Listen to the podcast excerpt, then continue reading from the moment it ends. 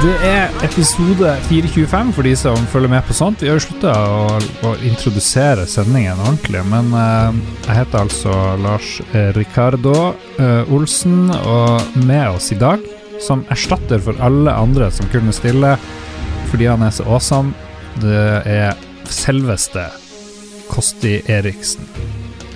Ja, takk for at jeg fikk eh, være med som siste innbytter. Det er stor pris på, altså. Ja, du, er, du er ikke bare erstatter for alle i Lolbua-redaksjonen, men du er jo en knakende eh, hyggelig fyr i tillegg. Oi, wow. Det, det vil jeg gjerne ha skriftlig og, og, og gi til alle i min familie. Ja, det skal vi ordne. Vi bruker bruker bare et par tusen av Patrion-pengene på å lage Ja, et slags depot, tror jeg. ja, ja, det blir bra. Så får vi det ramma inn på rammeverkstedet i byen her. En liten pokal. Ja, for vi bor jo i samme by. Vi gjør det. Vi gjør det. Og vi har til vært på konsert sammen. Ja, vi var på konsert. Uh, ellers har vi sett eh, hverandre veldig lite. Ja, uh, vi har det. Ehm, men jeg er klar for å se deg mer. Det har skjedd mye spennende i livet ditt, både bra og dårlig. Det, hvor komfortabel er du om å brette ut om, om livets opp- og nedturer? Nei, eh, hva skal jeg si. Det her er jo liksom Det er jo litt personlig, selvfølgelig, da, men det er jo ting som er out of my hands. eh, og jeg tenker også at siden liksom den mange jobber krever at han har en viss helse, og det, det gjør jobben min, da. og Ja. Jeg syns egentlig ikke det er noe tabu vi skal snakke om det, så jeg er klar for å fortelle deg for om, om, om det jeg har opplevd. Da. Det, Ja. det syns jeg, for jeg syns at det, hvis det kan hjelpe andre, så forteller jeg gjerne. Ja, fordi du for f- fra Bodø, og så for du til Nederland, og så mm, fant du ut stemmer. at det suger Nederland. Jeg drar og flytter til til Harstad, som jo er paradis på jord. Uh, Ja, paradis på jord. Og for å jobbe som flygeleder. Ja, som primært. er, jobb, er jobben min, da. Ja, det er du utdannet til, det er du flink, Mm. du er jo prisbelønt, uh, eller burde Oi. være det, i hvert Wow, prisbelønt, prisbelønnet. Ja. Uh, Fins det wow. noen pris for flygeledere? Eh, jeg vet at eh, det, det, det fins i enkelte land som har man sånn der Air Traffic Controller of the Year og sånt. Det, Mm. det vet jeg, og at det enkelte sånne større enheter har det. Og, men det er ikke noe vi holder på med i Norge, da, kan du si. Nei, ok. Nei. Ja. Kjipt. uh, Det er kanskje mer land hvor man ikke, ikke kan liksom sammenligne oss med da, innen, innen flygeledning, ok. tenker jeg. Ja. Sverige? Uh, der har jeg jobbet, der fikk jeg ingen pris. nei. nei. Nei, Så jeg ble fuck ikke dem. nominert engang. Ja, og så møtte jeg deg her om dagen, og så uh, spurte hvordan går det, og så sa du well, shits uh, Driten har truffet, truffet viften, for å si det Ja. sånn, når det gjelder karriere. Uh, Ja, det, det gjør det. Jeg, som, jeg, sist gang jeg var på, med dere på podcast, og Maverick Podcast, så hadde jeg akkurat blitt sykemeldt. og da hadde de oppdaget at jeg hadde en, blodpropp i lungene. da, Det er jo sånn som kan skje, det er ikke noe big deal, det. og så Mm. når jeg var ferdig med, med den blodproppkulen da, så, som jeg fikk medisiner for, så gikk jeg, og, gikk jeg til legen igjen, flylegen, og han sa at ja, blodproppen ser ut til å være borte. Men jeg hører en liten bilyd på hjertet her, så før du får noe stempel i sertifikatet ditt av meg, så, så må du innom en kardiolog, og må finne ut hva det er, da. Hmm. Ja, så da fløy jeg til Bodø og dro til kardiologen der, for der var det de, ja, de første som kunne tilby meg time, da. Og de var jo veldig hyggelige og ja, Ja. gjorde sine tester og, og sånt, og forklarte meg hva de gjorde hele veien. Og så, så hadde hun kardiologen hun hadde en liten mistanke om hva det var, så hun tok en sånn ultralydmaskin og satte inn mot hjertet mitt og, og sa at ok, ja, nå ser jeg hva som skaper bilyd på hjerterytmen din, og det er den hjerteklaffen, aortaklaffen der, den skal være delt i tre, din er delt i to. Oi. Så det er en medfødta aortaklafffeil jeg har, da. Og mm. så sa jeg ok, greit, takk, da vet vi det, og hun sendte det til flylegen min, og han sa at eh, ok, jeg kan ikke godkjenne deg, jeg må, vi må la flylegen enda til Luftfartstilsynet ta en titt på det. Og. Hva, er, det, er, det, er det så big Ja. deal å ha todelt hjerteklaff? Ja, det var det, da. Hun, hun, hun kardiologen sa at eh, omtrent 2 av befolkningen har det. Ja. Og, og det er de aller færreste det skaper problemer for. Så, så sånn rent personlig behøver ikke du være noe redd fordi du har god hjerterytme og, og liksom alt annet checks out, da. Mm. Så ja, greit. Så sa jo det til flylegen. Han sa at ja, men du vet jo at vi stiller jo litt strengere krav da, innen operativ luftfart. Da. Så, så det er ikke helt sikkert at det her er forenlig med å være flygeleder. Så Ja, for de er redd for Ja. at du skal bare dette om. Ja, mens jeg har 30 000 fly på frekvensen, hvilket jeg selvfølgelig aldri kommer til å ha, ikke sant. Men, men ja, de er redde for at de er et kritisk Gerbich skal segne om, eller få et ildbefinnende, ikke sant. Og det, det kan man jo forstå, selvfølgelig, da. Så, Hmm. så jeg venter ennå da på beslutning fra Luftfartstilsynet om det her er en go eller no go. Er det go, så skal jeg jo jobbe her på Evenes, eh, blant annet. Og er det no go, så må jeg finne meg noe annet å gjøre. Og det har jeg selvfølgelig absolutt ingen lyst til å gjøre. Nei, du kan være eh, profesjonell podkastgjest uh, i første rekke, og så kanskje du kan bli sånn som uh, 90% av alle hvite menn, få din egen podkast. Det kan du Mm. gjøre. Ja. Ja, Så der har du Ja, eh, da må jeg i så fall, hvis jeg skal være sånn profesjonell podcast-gjest, så må jeg ha et tjukt sugerør nedi Patrion-kassa deres. ja, det ordner vi. Der- Ja, det tenkte jeg meg. Det tenkte Still opp. Ja da. Ja, ja, ja. ja Bare å sånn høre med TTM-eksempel, Kenneth Kobrakar 84, Duke Ja. Jarlsberg og Bjuslo, så går det der Ja. helt fint. Ja, men godt å høre at you guys got my back. Det er eh, kjempekoselig. Som er en slags tillitsvalgte da, for, uh, for patrions, vil jeg kalle det. Ok. Ja, lederskikkelse. Inn- Ja. Sånt. Men uh, trasige nyheter, det må Ja, jeg si. Det er jo det, men det er liksom, det er, sånn er nå livet, da. Vi har liksom ikke kontroll over de tingene her, og, og liksom Ja. Så, ja, det, men det er nok mange som syns det kanskje har vært flaut, da. Eller, eller, eller syns det har vært veldig vanskelig. Jeg syns det er vanskelig, jeg skal innrømme det. Jeg syns det er Mm. kjempevanskelig. ja. Men, men, men jeg er ikke noe flau over det, absolutt ikke. Det er liksom You know, throw the dice, og så får man en shitty hand innimellom, ikke sant. Og sånn er det. Men, eh, men det er ikke helt avgjort, høres det ut som. Nei, jeg skal få beskjed i løpet av uka, sa Luftfartstilsynet, så da får vi se, da. Holy McMoley. Er det arvelig, Ja. det her? Det er det. Eh, det er absolutt arvelig. Så jeg sa ifra til søsteren og mutter'n min eneste gang at, eh, at jeg har det og det. Kanskje dere har lyst til å få det sjekka hvis dere, hvis dere er interessert i det. Mm. Har det et kult latinsk navn, det her? Eh, ja, bicuspid aorta claff. Nå var jo halvparten av det latin, men eh, ja. Bicuspid aorta claff. Så det er vel noen medisinske blant uh, lytterskaren, tar jeg ikke helt feil. Ja. Jo, det, det er jo det. Ja vel, da har vi fått oppdatert oss på helsesituasjonen din. Men jeg tenker at eh, når du Hvis jeg plutselig fikk høre at eh, hendene dine kommer til å visne bort, f.eks. Jeg driver og skriver mye. Ja, ja. Ja, eller jeg kan liksom ikke gjøre det jeg holder på med nå, så ville jeg vært litt, litt lost, tror jeg. ja, og det og det er nok der jeg er nå. Det skal jeg gladelig innrømme. Jeg har ingen problem med å si det. Ja, driver du og sjekker inntak, opptak på særskilt grunnlag på videregående, liksom? Nei, jeg, det, det slipper jeg nok å gjøre. Jeg, jeg har nok allerede vært der, da, så, Ja. så det skal nok gå fint. Jeg tror ikke jeg trenger å forbedre snittet mitt så forferdelig mye. Det, det skal nok ordne seg. Ja, ok. Eh, eh, ja.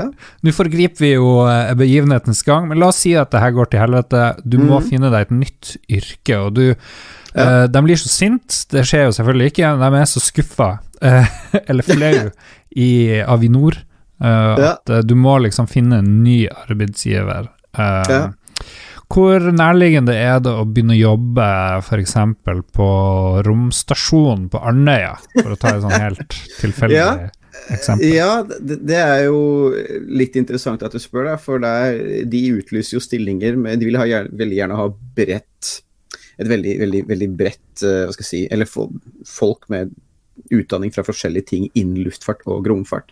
Så der har man jo folk fra luftfart, og man har folk fra romfart og, og litt Hmm. litt sånn beslektede yrker, kan man si. Så, så det var faktisk et veldig godt uh, forslag fra din side. Ja, der ser du. Og jeg kjenner jo flere som jobber der, for jeg har jo selvfølgelig da deltatt på brifinger med de, og, og vi har jo sånn tett samarbeid med dem. For det er jo, selv om de trykker på knappen, så er det jo vi som jobber som flygelere på Andenes som sier go eller no go til syvende og sist. Mm. Mm. Ja.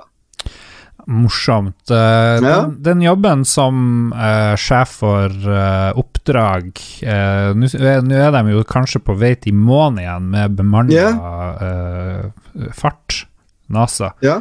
Kunne Ja. du vært sånn flygeleder for NASA? Er det Hvor vanskelig tror du det skal være? Flight director. Eh, da må man nok være ingeniør med kompetanse på det systemet som man er ansvarlig på som flight director. Så, så, så det er nok eh, Da, da må Mm. du være ingeniør, og, du må ha jobba med det i systemene da, som, det, Ja. som, de, som du er ansvarlig for. Mm. Ja, ok. Ja, det høres kanskje litt drøyt ut. Nei, men ok. Jeg, jeg, jeg har store Jeg har eh, stor tro på dine kunnskaper. Har, du har jo vært, eh, for helt nye lyttere, gjest under sånne her romfartsstreams med oss. Som vi Og luftfart.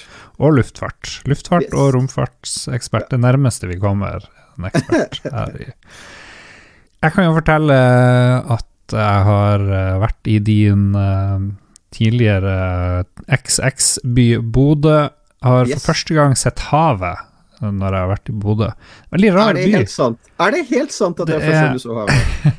Det er sånn 90% sant, for når du er i Bodø, når du lander eh, på flyplassen og når du drar inn til byen, så er det bare masse hus i veien for havet. Føles som de hater havet i Bodø. Det er mitt inntrykk. Ja, ja det, kan, det kan godt hende, det stemmer det. Jeg snakket aldri med mine kollegaer der som var fra Bodø om akkurat det, men jeg tar det, det kan godt hende det var sånn. Ja, Det er liksom ikke åpent ut mot sjøen, sånn som det er her. Her i Harstad så ser alle havet, uansett hvor det er. eh, nesten. I hvert fall her på Gangsåstoppen. ja, nettopp. Ja, og jeg syns det har vært en sånn forblåst eh, Litt sånn For meg så har Bodø vært bare en svær vei midt i sentrum med litt sånn hotell rundt, og det er alt jeg har opplevd. Og så var jeg eh, og så en film, det kan jeg jo nevne, som Ja. heter The Menu, med han eh, Og jeg aner ikke hvordan man uttaler det. Han Ralph Ralph Rafe Fiends Fine? Han som Nei. spilte i eh, blant annet uh, Schindlers liste, tror jeg han var med i. Og Stemmer. han er Voldemort. Det er vel han kanskje mest kjent for i, Yep. I Harry Potter. Uh, Transhateserien Harry Potter. Og M i James Bond, de nye James Bond-filmene. Ja, han er det, ja. Mm. ja. Veldig flink skuespiller, og det her er bare Ja, en fantastisk ja, film. Jeg vet ikke om du har sett The Menu? Nei, det har jeg faktisk ikke, men jeg var litt nysgjerrig på den. Er det noe du vil anbefale? Vil, Eller kanskje den kommer på din anbefalingsliste seinere? jeg kan ta noe annet på anbefalinga, men jeg vil anbefale den er veldig terningkast syv av eh, fire, eh, faktisk. Og Såpass. ja, i hvert fall Eller jeg tipper alle blir jo like det. Det handler om en sånn en av de mange fancy restaurantene rundt omkring i verden hvor du får sånn her molekylmat og Ja. skum og liksom ting som bare er dekonstruert og veldig, veldig fancy. Eh, alle er veldig høytidelige, og det er litt slitsomt, og det tar ti minutter for å vite vin du skal drikke og sånt. Og det, jeg syns det kan bli litt mye, og her tar de alt det der litt på kornet med en sånn horror thrilleraktig mørk humorvri. Ok. ok. Jeg vet ikke hvor mye humor det skulle være, for jeg var den eneste i salen som flirte, så jeg var litt sånn der eh, ha-ha, og så bare ingen som flirer nå? Det her var jo kjempeartig. Ja. Men Ja, ja, eh, han Ralph Fiennes der, eh, Ray Ralphie, han er i hvert fall sjefskokken, liksom. Den store, Ah. seriøse ah, kunstneren. han kan jo se litt sånn ut, han, hvis han får på seg sånn sånn, hva heter det, kalkunpynt på hodet og sånt. Så jeg kan se, meg, se han for meg i den rollen. Absolutt. Eh, veldig gøy, og så er det veldig lenge siden jeg har vært på kino, så det var deilig å være på kino og se Ja. noe som ikke var sånn Marvel og Top Gun, bare litt sånn Ja. ordentlig film. Ja, Så det, absolutt. Så det var gøy. Så nå fikk jeg lyst til å se litt sånn kvalitetsfilm på kino igjen. For da hadde jeg Ja. glemt var en ting, nesten. Ja, det, ja, Netflix har liksom ødelagt det der litt, Ja. igjen, og, og de her store TV-ene som vi alle sammen har, ikke sant. Mm. Så, så det med å gå på kino nok ikke vi, vi tenker nok ikke på det på samme måten som før, at det er like eksklusivt som, som Ja. jeg syns det var back in the day, da. Ja, og så må du committe. Du må, uh, du må satse hardt på det Yes. du går på. Du kan ikke bare stoppe og pause og gå på do eller fortsette i morgen og sånt. Nei. For du har jo punga ut, ikke sant? Og, Ja, ja, absolutt. Og det er ganske dyrt da å gå på kino. Jeg tror det ble Vi kjøpte jo jævelsk mye drit da, men jeg tror det ble sånn 700 nå for tre stykk, så det er jo ikke billig, liksom. Eh, Nei, det er ikke det. Det er vel omtrent som å ta tog i Norge, det. Ja, ja, ja. ja. Mm. Så det har har jeg holdt på med, og det Ja. fortjener applaus. Er det, noe, er det noe du har lyst til å dele ellers fra livet? Er det noe som har skjedd eh, med deg, annet enn selvfølgelig eh, at eh, Avinor driver og fucker deg? De fucker Det er ikke Avinor, da. Det er jo, det er jo Luftfartstilsynet, det er ikke Ja, Avinor. unnskyld, Så Luftfartstilsynet. Avinor, Avinor er jo tvert imot uh, Vil jo ge, veldig gjerne ha meg i jobb, da, og, og, mm. og at jeg skal liksom ja, tilbake i det operative, for eh, det trengs virkelig. Altså, vår, vår nabo i øst er jo finner jo på stunt stadig vekk, og, og, vi må liksom være veldig klare. og Det fordrer at der får vi ofte besøk fra utlandet, altså fra andre Nato-land og sånt. for Jeg jobber jo på militær flyplass, ikke sant. Så. Mm. Så, så, det er jo helt klart behov for meg, da. Og, og, ja, så Avinor de støtter meg 100% det skal de ha. Ja, jeg trekker det ja. tilbake ikke Nei, det gjør ingenting. Du jobber ikke i luftfarten, så det er ikke så greit å si, vite forskjellen på luftfartstilsyn og Avinor, Avinor flysikring, Avinor konsern og bla, bla, bla. Men det jeg vet, det var jo du var på eh, konsert, og de spilte faktisk dagen etter du var og hørte dem i Bodø, mm. så jeg kunne for å se dem, men jeg gjorde ikke det og angrer litt. Nei. Men du var på Return og ja. Stage Dolls-konsert. Det var jeg. Jeg var det i Tromsø på fredag, stemmer det? ja, det hvordan var det? Faktisk jeg vet hva, det var, det var, kjempebra, faktisk. Det var jo mye bedre enn jeg trodde. Og spesielt Return syns jeg var best, da, og, de hørtes jo kliss like ut som hmm. på 80-tallet. Det var Nei. morsomt å høre det igjen, faktisk. Og selvfølgelig så spilte de Bye Bye Johnny helt til sist.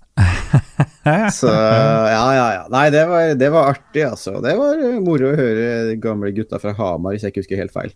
All right. Da tar vi kanskje, eller kanskje ikke, det spørs hvor mye vi gidder å klippe det her i Jon Catos fravær. Men det, hvis det nå blir noe musikk, og det bør det jo bli det, siden jeg sier det her uh, Dag Thomas har funnet en sånn AI-generator for musikk. Okay. Ikke nok med at han Oi. er ekspert på AI-generere bilder og driver og trener opp AI for å lage sånne helt sinnssyke bilder av folk han kjenner men han uh, kan òg putte inn uh, cues, og så lages det musikk. Så hvis det kommer musikk, og det kanskje, kanskje ikke, så får vi først høre uh, Depressed journalist suddenly has kids and cannot play video games anymore. Jeg merker at jeg blir veldig spent nå.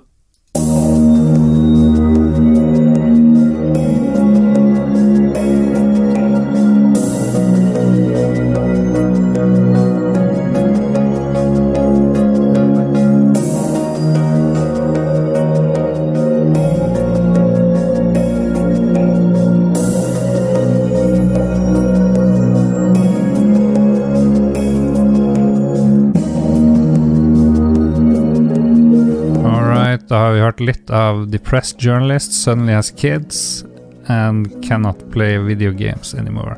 En sånn rolig sang. Du får ikke høre det her, eh, dessverre, Kosti. Kan du høre meg nå?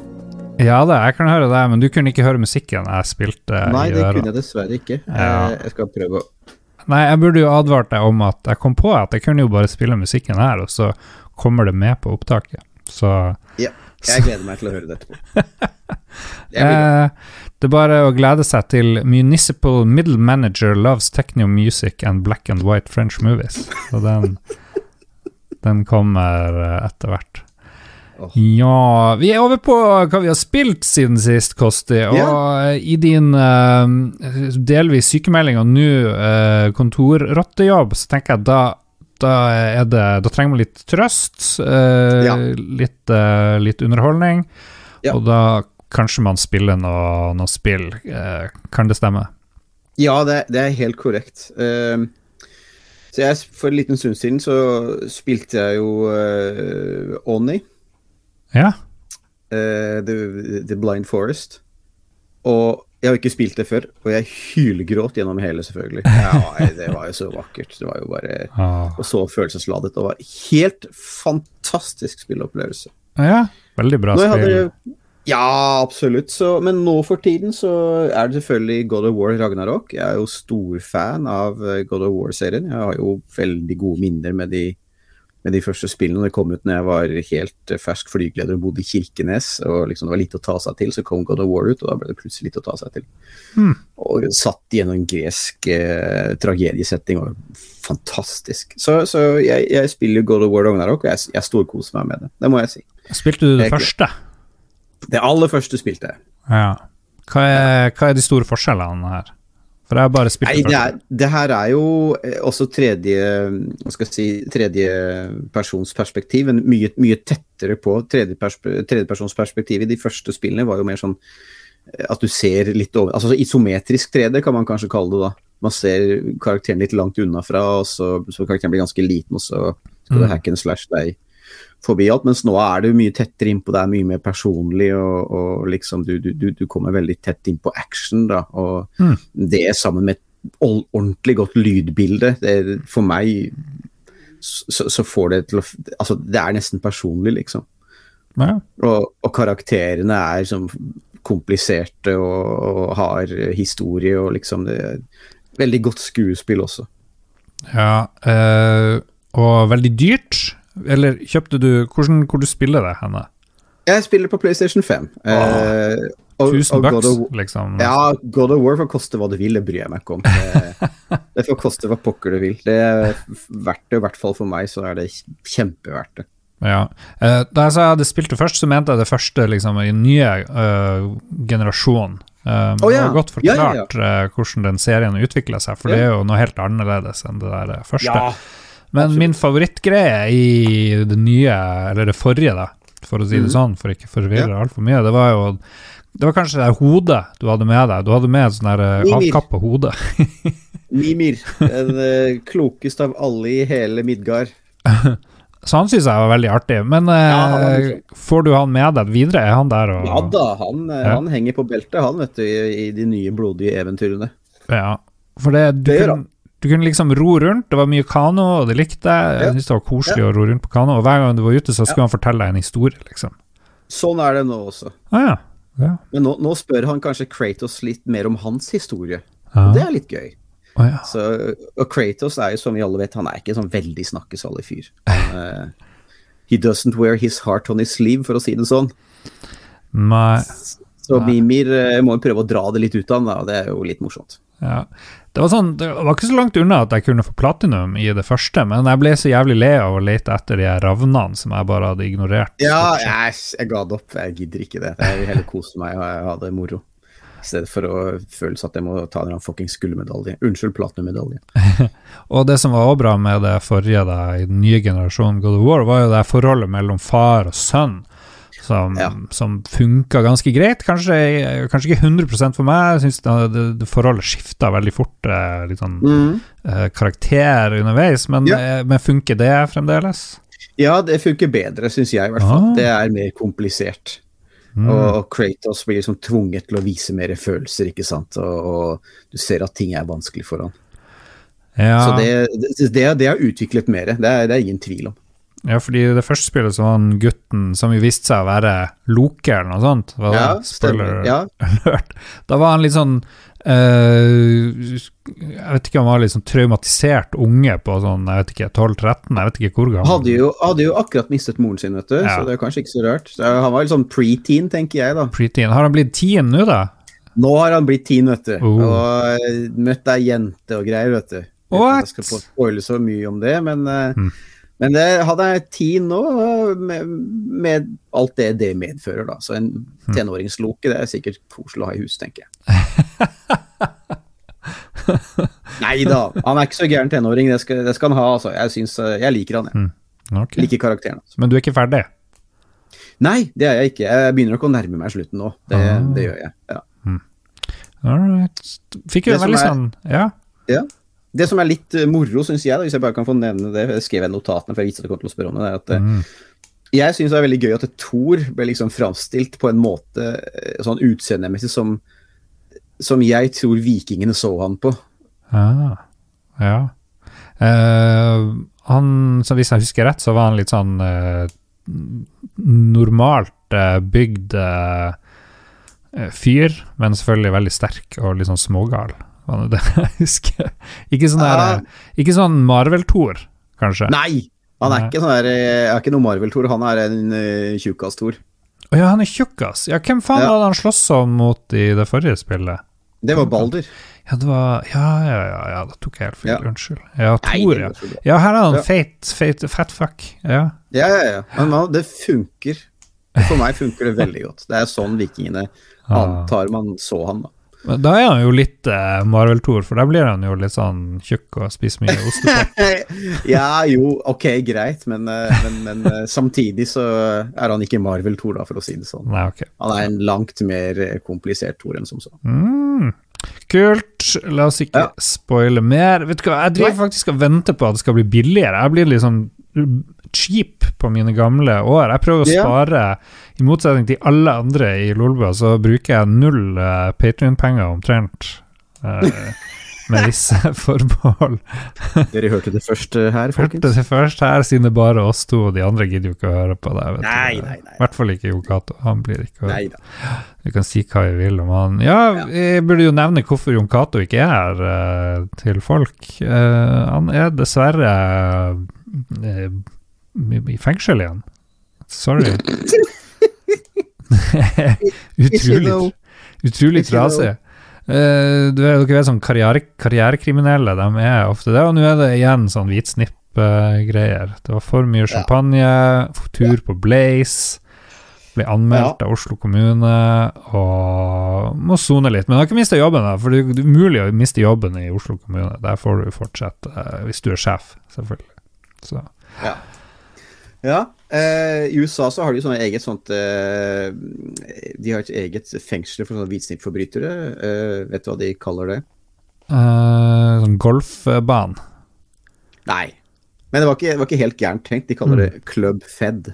Ah, Ah, Den syns jeg er litt morsom. ja. Eh, jeg har spilt Tactics Ogre Ja, er det bra? Ja Nei! jeg må si jeg er litt sånn uh, skuffa av uh, Tactics Ogre Reborn. Mest fordi jeg ikke okay. spilte det originale Tactics Ogre-spillet. Taktisk Ogre. Um, det starter jo med, med Jeg tror de name-dropper sånn ti ulike navn som Ja. du ty tydeligvis skal huske. Det er vel for det står i starten episode syv eller noe sånt. Jeg vet ikke om det er et sånn fortellerteknisk eh, grep at eh, Eller om det faktisk har vært 18 spill før det her. Aner ingenting. Har ikke eh, researcha noe som seg hør og bør i Lolbua. Men det, nei, det, er så mye, det er så mye story, og det er så mye navn, og det går så fort. Ja. Og partyet ditt er sånn syv stykk plutselig, Oh og lord. han Lancelot og de driver jo og mikser og matcher mytologi tydeligvis her. Så det holder. Og det, det, det er bare rett og slett eh, for mye for stakkars meg. Jeg spilte en Mm. times tid, og så fant jeg ut at du kan bytte klasser når du vil, og du kan ha 18 millioner type slots i inventoryen. Jeg syns inventory management er der så langt, i hvert fall. eh. Virker utrolig vanskelig. Og jeg er litt skuffa. Jeg husker jo jeg likte, jeg likte jo litt sånn taktikkspill, men eh, når jeg tenker Ja. etter, så, så er kanskje mer sånn her um, litt enklere. Litt enklere Ja. taktikk Ja. Er, er tingen for meg, da. Så jeg må bare kaste inn håndkleet og, og slå fast at de der eh, 300-400 kronene som jeg brukte på Switch-versjonen, de, må nok gå i sånn tapskolonn i, i regnearket for 2022, altså. Det, Ja. det hvor, hvor, mye, hvor mye krefter skal jeg gidde å investere i ett spill? Det er litt sånn det. Ja. God of War så er det veldig greit, da er det, da er det liksom historien, og du får hakke og hogge litt og sånt. Du trenger Mm. ikke drive og sknukke så mye med utstyr, og historien er jo lett fortalt, men jeg burde jo sikkert skjønt det. Japansk eh, storytelling er jo kjent for å være ofte litt sånn der hakk over det vi er, man er vant til ellers. eh, Ja. så- I, I hvert fall i omstendelighet. veldig omstendelig, så nei Kort fortalt. Fuck that shit. Så um, that shit. i, uh, i et anfall av uh, galskap så jeg under for uh, Jon Cato sitt uh, nye hjertebarn. Han mener jo at det er Game of the Year. Enn så lenge det er jo Marvel Snap, det her kortspillet hvor du skal Seriøst? Ja, jeg måtte jo prøve det. Det er jo gratis, og det er på mobilen. Og jeg kjenner at jeg driver og, og, og blir uh, Om ikke overbevist, så blir jeg avhengig av det. For det er jo sånn Det går veldig fort. Kampene er Det er liksom ikke nærheten av Heartstone, selv om det er mange av de samme folkene som har lagd det. Så er det Det er. Det er bare seks runder, og så er du ferdig. Og i hver runde så kan du spille ut noe kort. Og så er det sånne tre lanes, og så med tre byer. Og så kan du bare plassere kort ved de ulike byene, og så må du gjette litt hva motstanderen blir å gjøre. Og that's it, egentlig. Og det er veldig kjapt, og det er utrolig lett å bare tenke åh, en runde til. Vi tar bare en kjapp runde til. er det litt sånn eh, lett å lære i vanskelig å mestre spill? Det kan godt hende. Det er i hvert fall veldig lett å lære. Det er bare å Mm. mose ut de her kortene, og så driver jeg og lurer på er det ekte folk jeg kjemper mot, eh, siden jeg driver og vinner. Jeg har ikke tapt en eneste kamp eh, ennå så lenge.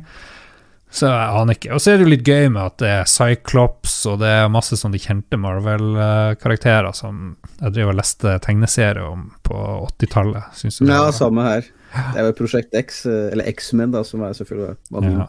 Og så er det utrolig Og så er det utrolig mye rewards underveis. Du får nye kort med sånn jevne mellomrom, og så kan du oppgradere de, og så er det sånn daily uh, missions, og så er det weekly og sånne ting. Og så ser jeg jo nå at weekly driver og går ut om noen timer, så jeg må liksom bare fort bli Ah. ferdig med Ah. Du er ordentlig hekta. Du er skikkelig hekta. Ja, og det er litt ubehagelig. Jeg kjenner at eh, du Ja. manipulerer meg veldig med sine blinkende ting og, og Ja. rewards du får og alt det der, så jeg bare driter i. Jeg tenker fuck de der weekly-greiene, det får bare være. Du får så mye Ja. opplegg uansett, så Ja. i hvert fall i starten. Du kan bruke penger, selvfølgelig, men um, det, det, jeg tror det eneste er hvis du ikke gidder å bruke masse penger, så må du vente en måned eller to på noe kort, at de skal bli en del av din Ja. dekk. da. ja, riktig. Ja. Ja. Og så er det visstnok Ja, ja. bra matchmaking, at uh, levelet ditt er det du blir uh, kobla mot. Men jeg tror fremdeles at jeg spiller mot en bot, fordi det kommer med en gang eh, en ny motstander når jeg sier at jeg vil ha et nytt spill. Så Ja, det, det høres jo litt mistenkelig ut, da. jeg skal jo si det. Spesielt når det er et såpass nytt spill også, så ja. Ja. ja. ja. ja. Nei, men det virker helt ok. Greit, gratis. eh. Bare å prøve, for guds skyld. Skal vi se Jeg har kjøpt VR, da. Ja, du har kjøpt VR! Jeg må bare fortelle fort. Jeg kjøpte VR. Eh, og så oppdaget jeg V12 VR, som selvfølgelig er en sånn nærfuturistisk flysimulator. Vertical takeoff and landing. Åh, Å, i all verden, hvordan vet du dette her?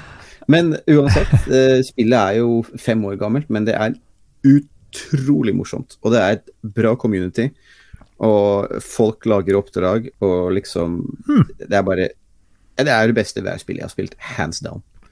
Ok, nå må du forklare eh, Det er VR, og så er det noe Ja. flyging. Det er flyging. Det er da fly som kan ta av rett opp og ned som et helikopter. Det er jo et helikopter også i spillet. Eh, eller de kan, eh, ved å snu motorene, da, og så kan man eh, lande og ta av som et vanlig fly også, det, hvis man vil det. Så, Hmm. så noen sånne fly finnes det i dag også, som, så der er liksom satt noen år frem i tid, altså så vi har et par nye flytyper. Men det er, det er utrolig, utrolig bra, og kontrollene er Du trenger ikke hotas noen ting, alt er liksom de her Hva heter de her ja, Oculus-kontrollerne, eller de Ja. tilsvarende fra andre merker som du bare holder i hendene. Og, og det blir ikke sånn rykk og napp, og, sånn som det gjerne er med sånne spill. Det er sånn utrolig smooth, og, og, og de har lagt mye tankegang og effort i å få det der bra, altså. Så det er sinnssykt kult. Utrolig bra. Er det noe skyting, eller er det liksom fly? Mye du bare vil. Det er, du kan skyte på alt som rører seg, og, og det er jo mange som spiller mot hverandre i sånne oppdrag. At det først så skal man liksom ta ut den andres bakkestyrker, og så må man passe på så man ikke blir skutt ned av flyndres og sånt. ikke sant? Så, så det er kjempemorsomt. Så, jeg fant et lite community der ganske fort, da. Ja. Så, som er veldig artig, faktisk. Veldig, veldig moro. Så, så det kan jeg anbefale. Veldig morsomt. V12 VR, for den som har lyst til det. Du trenger bare VR-headset. Du trenger ikke hotas eller noen sånne dyre greier. Eh, hvor eh, hvor avansert er kontrollene? For når du sitter i VR, så er det jo Ja, Ja, for det, da er det kun de der håndkontrollerne. Mm. Du, Du bruker ikke noe keyboard og Nei, du bruker ikke noe keyboard, men det betyr at da må du faktisk slippe ting du holder tak i, og så må du trykke på knapper i cockpit foran deg. ah, ja. Så det, så, så, det er sånn, da. Det må du gjøre, og det er liksom ganske bra tutorial med, med hva du må trykke på når, da. Så det er jo en god del tutorials å komme seg gjennom, men det er, er faktisk veldig morsomt, og det er, det er verdt det, liksom. Det føles ut som det, det gir deg noe. Ja. De som, Mm. eh, de som hører at det klipper inn lyd fra en trailer, det er jeg som driver og sjekker ut uh, ståa. Er det, men det er moderne, er det ekte fly som er med? Nei, det er ikke ekte fly. Det er, det er det ikke. Men det som er litt morsomt, er at de har et sånt jagerfly som altså V12, da, som heter F45. Og vårt nye jagerfly F35 Mm. Det, jo, det ser jo kliss likt ut, bare at de har tatt liksom vingene bak da, og satt de foran i stedet. Så det er, det er akkurat det samme flyet. Men, eh, men nei da, det er ikke noe fly som eksisterer i dag. Det er det ikke. Ok, en solid uh, VR-anbefaling. Veldig solid spill også. Det er kjempemorsomt. Laget av Boundless Dynamics. Det er eh, skikkelig, skikkelig skikkelig bra. Og du, og det, hvis du leter etter community på Discord eller hvor som helst, så er, finner du det med en gang, og, og, du finner folk å fly sammen med, for det er alltid morsommere å fly sammen med. eh, hvordan fungerer de her kampene? Er det ulike modes, eller er det, hva, hvordan er det? Det, altså, det, det er ikke så mange modes. Det er liksom La oss si du går i mission editor, da, og så sier du ok, eh, vi har to sider i denne konflikten, og de har sånne fly, og vi har sånne fly. Eller man kan velge fritt, og så har man bakkesyker, og man skal liksom ta en og utslette motstanderen rundt en flyplass og ta den flyplassen. Liksom det, eller du kan bare ha sånn Top Gun Air Combat-greier. Det er jo helt opp til deg. Liksom. Det, du står veldig fritt til å definere hva mm. slags mode det skal være. Eller du kan spille kun mot AI hvis du vil. Uh, er det en styrke? Jeg Tror du spillet ville blitt dårligere hvis det ikke var sånn vertikalfunksjon? For du kan jo liksom stå og hovre og gå opp og ned. Mm, om, det, om, om, det, er en styrke for spillet? Ja, eh, ja jeg syns det, for det gir deg liksom det gir deg noen uh, litt mer forskjellig spillmekanikk. da, Andre ting å fokusere på, andre ting å følge med på. Så det er, men det er helt opp til deg, da.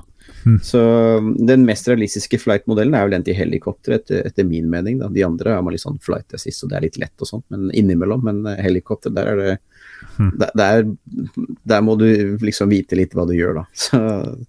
Så, så det er, men det er veldig gøy når du først får det til. Det er sinnssykt tilfredsstillende. Ja. Uh, du er på tur, Kosti, uh, langs kysten av, av Norge, og så kommer kommer Hva det heter for noe, de som jobber der? Uh, stewardess, uh, flyvertinne, flyvertmann Kabinpersonalet, som vi kanskje kaller det i 2022. Flyvertinnen kommer ja, og sier at pilotene har begge to fått matforgiftning, og oi, oi, de driver og, og, har det ikke bra, de må bare sove litt. Kan du, lande, litt, ja. kan du lande Widerøe-flyet? Oi, oi, oi. Vet du hva? Eh, jeg tror ikke jeg skal late som at jeg, jeg kan det. Eh, What? Jeg skal, det jeg kan gjøre, er i hvert fall gå inn i cockpit uh, og, og, finne radioen og si mayday, mayday, mayday, og fortelle, forklare hva problemet er. Mm. Så det kan jeg gjøre. Ja, men jeg tror det Så får vi se. Jeg vet ikke, det der er liksom Man skriver bøker og lager film om, men som liksom ikke helt skjer i virkeligheten, eller, eller i hvert fall forferdelig sjelden. Bare et par ganger, liksom. Ja. Det skal veldig mye til for at det to blir syke samtidig. Ja. For de, de, her flyene kan jo flys helt fint bare med. Ok, du er på en uh, sykt ny sånn her Airbus uh, A380, eller hva det heter. Ja. ja. Um, du uh, Det har ikke gått så bra i livet ditt. Du er plutselig blitt islamsk terrorist. Oi, og har kontroll, kontroll over, over flyet. Kan du, kan du, dra til Cuba? Om jeg kan dra til Cuba? Kommer helt an på min fuel som er i flyet, det. Ja. Og hvor jeg er.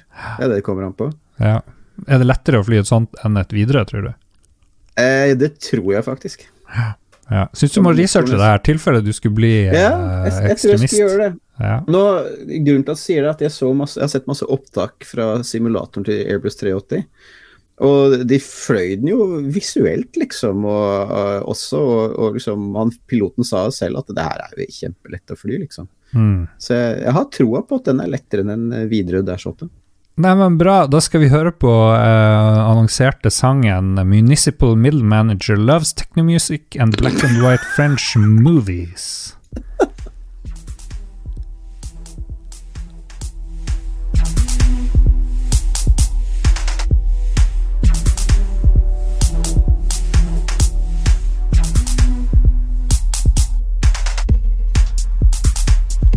Veldig kjedelig sang. Eh, den kom heller ikke inn på øret mitt. Nei da, det kommer ikke inn på øret ditt. Nei, selvfølgelig ikke. Det, det kommer kun til lytterne. Eh, litt som en kjedelig jobb i kommunen, denne sangen her, så det passer jo veldig bra. Ja. ja. ja. All right. Eh, takk All right. til Dag Thomas for den sangen. Vi har et par sanger igjen, så det bare å glede seg. Ja, det blir bra. Ja, det blir sykt bra. Skal vi se, må vi speide litt i uh, sendeskjema. Skru av VTOL-reklamen. Eh, uh, lytterspalte, folkens. Uh, det er jo gøy å ha. Skal vi se, skal vi finne frem lytterspalten, Kosti, så tar vi det. Yeah. Jeg har jo varsla at du skulle være gjest, eh, Ja. og sagt at vi har en flygelederekspert og nesten astronaut. Koster- Nesten astronaut. Ja, ikke langt, langt unna. Og vi begynner med Hans G. Ja. Uh, som spør hvor mange flytårn det finnes i Norge. Og jeg ser du, du ble med en gang sur fordi han kalte det Ja, ja, flytårn. Flytårn Har du sett et tårn fly noen gang, eller? Nei, det har du ikke. Det Nei, vi har to typer tårn i Norge. Det er kontrolltårn som er på kontrollerte flyplasser, som f.eks. Gardermoen, Stavanger, Bergen, Værnes osv., hvor det er, Mhm. liksom, er litt trafikk og det er, det er litt å gjøre. Og så har vi da ukontrollerte tårn, som er såkalt, såkalt AFIS-tårn. AFI står for Airdrome Flight Information Service. Det, ja, det er Information Service, og har ikke den personen som sitter her, har ikke noen myndighet til å gi noen klareringer, altså, klarering, altså ordre til flyvere ah, ja. som de må følge. Det, det har han ikke. Så der må bare Afisfullmektigen si ok, dette er det som gjelder, her har du, det er trafikk der og der, eventuelt banen er ledig eller ikke, det er snøbrøyting, whatever. Og så får flyveren selv ta liksom avgjørelsen hva vedkommende skal gjøre. Hæ. Så sånne ja. har vi vel 25 av i Norge, tar jeg ikke helt feil. Det har vært noen nedstengninger mens jeg var i utlandet Hmm. eh, og, og sånt. Og så har vi 17 kontrollerte, hvis jeg ikke teller helt feil akkurat nå. 17 skal det være. Herre min hatt, så de fleste flyplassene i Norge, der er det flygerne som bestemmer. Ja, det er jo galskap. ja, det Nei da. Nei, det er jo sjansen for at det skal være flere fly samtidig der, ikke sant. Det er det det går på. Det er jo ganske lav. Så, mm, så, så man regner med at flyvere klarer å bli enige seg imellom om, om hva de skal gjøre, da. Og det gjør de jo ved, ved samtidig til sånne flyplasser. Så det, det gjør det. Fungerer godt i Norge. Andre Mm. land er mer redde for det, mens vi eh, ah. funker godt her. Ja, funka kjempebra så langt. Jeg ble Ja, ja. litt sjokkert. Jeg trodde det bestandig var en sånn her eh, hotshot som satt og, og røkte og drakk kaffe og hadde sånne brikker foran seg, stablet. Ja. skal det flyet først og opp og ned, og Ja. så var det sikkert tre stykk på jobb som driver og liksom veksler mellom å sjonglere fly og sånne ting, Ja. men uh, Nei da, det er ikke, ikke helt sånn i Utkants-Norge, altså. Må si det. Hmm. Og så finnes det sånn eh, Jeg fikk jo lov da du jobba i Bodø, jeg vet ikke hvor Ja. lov det var, eh, men jeg fikk lov å komme og se hvor dere drev og hadde sånn prøveprosjekt på ubemanna Ja, det flyplasser. Remote Tower Center, det har jo gått live da. Det har gått live. Og da, det, da var det sånn Greia var at det sitter folk i Mhm. Bodø på ulike stasjoner med sånne enorme TV-skjermer hvor de liksom basically ser 360 grader rundt Yes. flyplassen, og kan se, man kan se en sånn rev springe på bakken, eller Yes, absolutt. Og så bare drive og følge med litt. Uh, og så nedbemanne og sikkert ikke betale folk så mye for å være på ulike plasser. Ja, det har ikke vært noen nedbemanning. Det har ikke vært sånn at man har- mista jobben sin som Ja. resultat. Det har gått mer på infrastruktur, da. Ja. Så alle som, som ville eh, ble invitert til å komme til Bodø og fortsette jobben sin der. Det var Ja. ingen som ble sagt opp, men det var noen som ikke ville. Det, sånn er det. Ja, sånn er det. Å, nå driver du og bor på i Harstad. Jeg har lyst til å komme til Bodø og bo der, liksom. Nei, jeg har ikke lyst til det. Nei. Nei, ok, det er ikke å si opp Nei. noen, men de får velge å si opp sjøl, liksom. Det, man Ja. skyver ansvaret. Ja, ja, det, det er Ja, det. hva skal jeg si Det er jo litt sånn hvordan, hvordan ser du på det, da? Jeg forstår jo også at det er vanskelig for folk som da kanskje har livet sitt et sted, da, og så sier man at det er jobben din flytter et annet sted, at det er vanskelig for de å og synes at det er ok. Det har jeg full forståelse for, og det tror jeg alle som har jobba i prosjektet har også hatt full forståelse for det. Så ja, vi prøvde jo å gjøre det så, så greit for de som mulig, da, og inviterte de til alt mulig rart da de møtes sammen i kommunen og sånt. Så ikke at jeg var med på det, da, men gjorde jo, prøvde jo å få til å bli så smooth som mulig. Ja, vet Men det var ikke alle som ville. Nei, vet du hva, jeg tror det er de i din fremtid, for du kan jo ikke være flygeleder forever, liksom, uansett. Eh, Jeg tror du blir sjef for, sjef for Avinor. Det tror jeg har vært. Ja, jeg tviler litt på det. Litt på det. det. du, du klarer jo ting se her og virker å forståelse, samtidig litt hjerteløs, liksom. Ja, ja, det Ja, fin der har du meg, liksom. Nei, jeg vet ikke helt om jeg passer til det. Uh, uh, ja, nei, jeg tror, ikke- tror ikke helt det. Men, uh, men Sten Tony Hansen har et spørsmål angående det vi snakker om nå. Eh, Ja. vi kanskje kan svare på hvis du har lyst til det. Ja, ja, ja. Han skriver at jeg har sett TV-serien Kortbaneliv, uh, og hva er min mening om lokale flytårn ble lagt ned i Finnmark til fordel for en regional sentralløsning i Oslo. Ja. Var det bedre eller dårligere? Ja, uh, det er jo Altså, vi hadde ikke startet det Avinor hvis vi trodde at det ble dårligere. Mm. Det hadde vi ikke. Eh, Det er klart at det, Vi har jo vært inne på at det er vanskelig for folk, eller for mange, ikke for alle. Det er jo mange som syns det var kjempekult også, særlig de yngre. Likte tanken på det godt. Å flytte da til Bodø og jobbe i et større senter og se langt flere kollegaer hver dag. Ja, men da er det den løsninga med ja. å sitte i et kontrollsenter og se på TV, store TV-skjermer, eh, hva som skjer oppe i Finnmark. Ja, riktig. Ja. Du, du, altså det du gjør, er jo at du gjør den jobben i det tårnsenteret som du hadde gjort da i Finnmark, f.eks. Mm. Du gjør jo akkurat det samme. Ingen, det er ikke noe annet du gjør. Men det, er- du, du sitter jo ikke oppe i tårn og ser ned på rullebanen, eller gjør du det? Jo, du gjør, det, er jo, det, det er jo akkurat det du gjør da, fra den kameramasta. Men det er jo sånn sinnssykt vær der. Plutselig så kommer det sne. Sne på kameraene. Ser du Ja, men det gjør det da i virkeligheten også. Eh, Vinduene snør inn i kontrolltårnet, det har jeg vært med på mange ganger. Så her, du har svar på alt. Ja, se der. Jeg har jo vært med på det, liksom, og sagt til flyvere som skal ta av at ja, nå må du sånn melde fra hvor du er til enhver tid. Hæ, hvorfor det? Du, det jo, du ser vel meg, vel? Ja, du, det er kanskje fin meteorologisk sikt der du er, men her har vinduene isa ned, liksom. Så det, så det kan skje overalt, men nå har jo vi sånn kameraløsning der med oppvarma kamera, og den spinner fem ganger i sekundet, så det er ikke noe snø som fester seg der. Altså. Eller veldig Mm. lite, i hvert fall når jeg var med på testing. Det kan jo hende at det, noen har opplevd det nå i mellomtiden. Det kan hende, men ikke mens jeg var med på. Ja. Har du sett den her TV-serien Kortbaneliv, da? Den eh, virker å være Jeg litt så en episode, jeg syns ikke det var all verden, skal jeg være helt ærlig. Oh, ja. Eh, det ble veldig tabloid for meg. Og oh, ja. så skulle, jeg fikk liksom litt følelsen at det var klippet sammen, slik at det skulle være litt, føles litt tøffere på en måte. Og jeg, ja, jeg ga det en episode, ikke så veldig imponert. Ok, Men da eh, ja. Ikke, ja. ikke populært blant flygelederne. Jo, NRKs sikkert populært. Det er bare jeg som ikke bare jeg som ikke syns noe om det. Det er sikkert mange andre som syns det var kjempefint av mine kollegaer.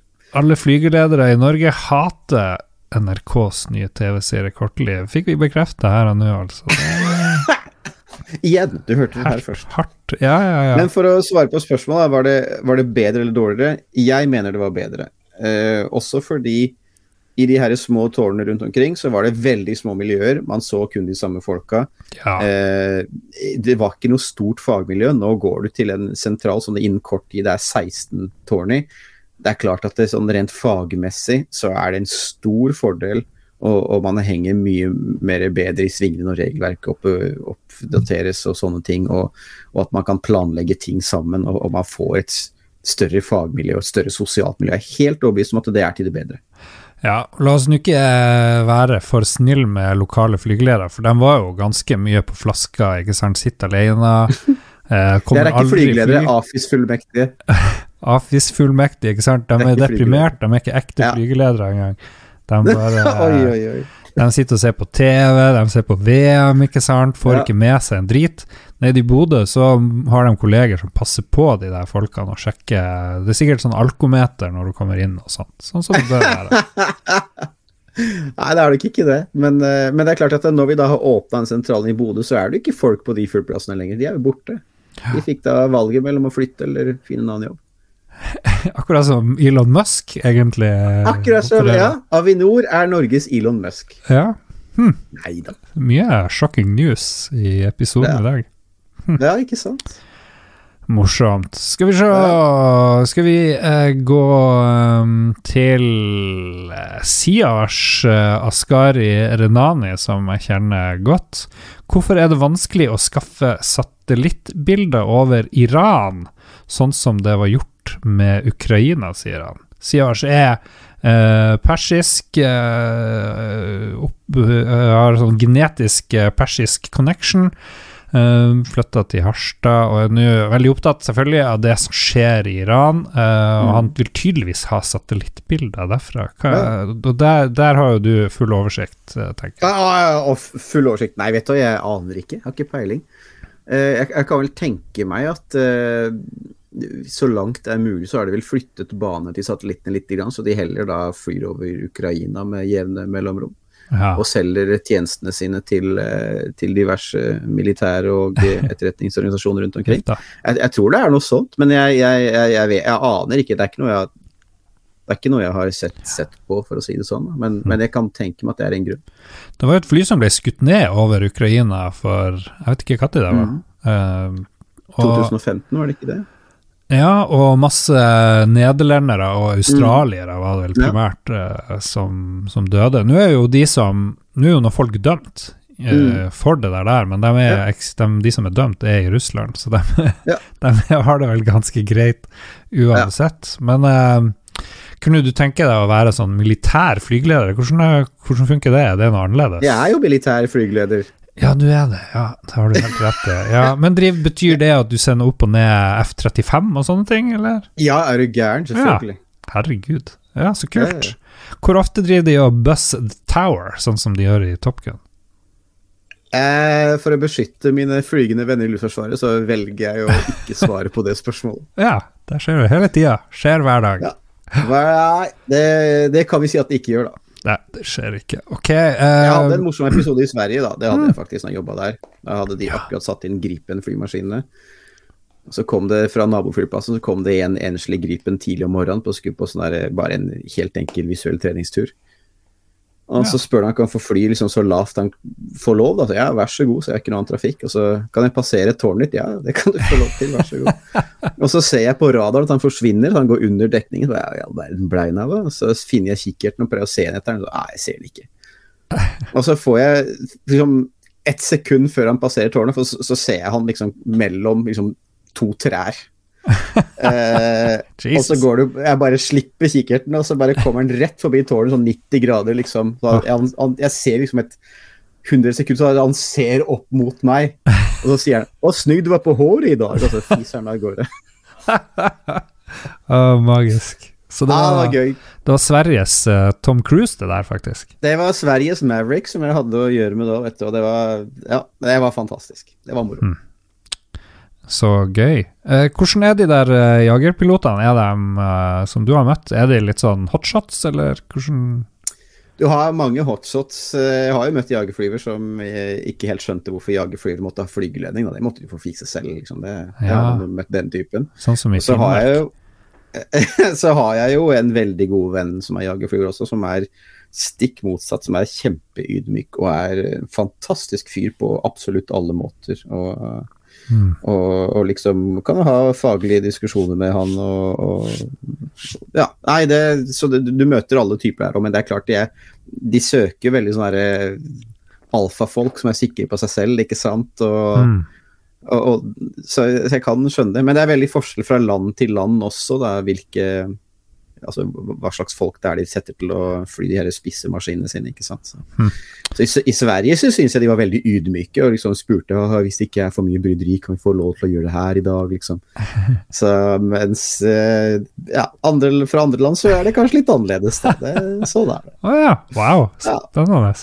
Spennende. Hm. Ja. Jeg lurer på om jeg hadde blitt eh, på den måten en bra jagerpilot, fordi jeg var på en sånn her eh, Tok en sånn personlighetstest-greie i Ja. en jobbsammenheng, og da mente de at jeg scora sånn absurd høyt på uh, yrkesmessig selvtillit, eller noe okay. sånt.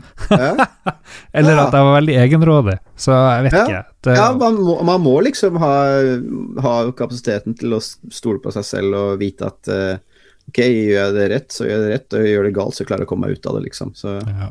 Men så er det jo selvfølgelig det der samtidig, jo mindre du vet om en ting, jo mer selvsikker er du. Så ja, det kan jo slå begge veier. eh. Absolutt. Ja. absolutt. Nei da, men det, jeg må jo si, jeg kjenner jo også andre folk som har født i jagerfly, som har slutta med det nå, for det er liksom young man's game lite grann. Så. Mm. Så det er veldig bra folk, altså. Det er, det er masse bra utvekslinger med de faglige og på privaten også, så det, det er, er alt i alt kjempebra folk. Right. Uh, og så har vi Rebekka Mø. Du kan jo mm. ta henne. eh, Ja. Hun, Rebekka Mø, eh, hvorfor er det så jævla skummelt å fly? Eh, Rebekka synes selvfølgelig det, og det er jo greit, det. Eh, jeg har aldri syntes det er skummelt, eh, så, jeg forstår nok ikke helt hva hun mener. Men det å ha flyskrekk er ikke noe uvanlig. Eh, Jeg, jeg tror vel litt på at eh, folk er redd for å fly fordi man kanskje ikke helt vet hva det går ut på, hvordan det gjøres. At man, man vet at man setter seg inn i en maskin med mange tusen bevegelige deler, eh, Mm. og så skal det her gå bra, liksom. Og så skal man være i lufta veldig lenge, veldig fort også. Så jeg forstår jo at det kan være skummelt, men jeg, tror- jeg tror kanskje det ofte, da Jeg sier ikke at det er sånn for Rebekka, men for mange så er det nok sånn at man vet ikke helt hva, hva det er som foregår, og hvorfor ting skjer og sånt. og og Mm. hvilke restriksjoner både flyene har og, og liksom systemene har, da, så, og, og hvordan man jobber med det. Så jeg, jeg tror nok det har mye med hva man ikke vet å gjøre. Ja, hvordan eh, For å ta hjelpe Rebekka litt eh, her Mm. Nå bare gjetter jeg på hva hun Ja. lurer på. Hvorfor, for, for eksempel, eh, Hvis hun hadde hatt mer kunnskap, så kanskje hun hadde vært mindre redd. Så Mm. um, hvor, sto, hvor ofte er det flykrasj i Norge, cirka? Oh, herregud, det er så sjelden. Og det er jo ikke passasjerfly som krasjer heller, det, jo, det skjer forferdelig sjelden. Og, og i hvert fall ikke hvis du skal med sånn sydenmaskin til Granca. Det, altså, det er så ekstremt sjelden. Jeg, har ikke noe, har ikke noe tall på det, men det kan selvfølgelig researche, men, det, men det, det skjer virkelig, virkelig Ja. ikke ofte, altså. Det skjer, det skjer veldig ofte at jeg må skrive om bilulykker, da. Det gjør det. Ja, det, det- det skjer mye oftere det, for å si det sånn. Eh, men det er klart, de flyene som detter ned, det er jo mest, sånn, det er mest småfly og helikopter og sånt, da. Ja. Det er det, som ikke har så mange sikkerhetssystemer. Hvor, hvor nyttige er de her eh, flytevestene, tenker du? Hvis eh, flyet skulle finne på å dette ned. Jeg har jo sett uh, Sully, har du ikke det? Det er vel sånn eneste gangen, omtrent. Ja, omtrent. Nei, altså, det er nok Altså, man skal ha en sjanse til å klare seg dersom flyverne må ditche i sjøen, ikke sant. Og, så det er det det går på. Så jeg, jeg har ikke noe godt svar på akkurat det, men, men det har skjedd eh, at, at passasjerer har brukt de for å overleve, og at det har gått bra også. Det Mm.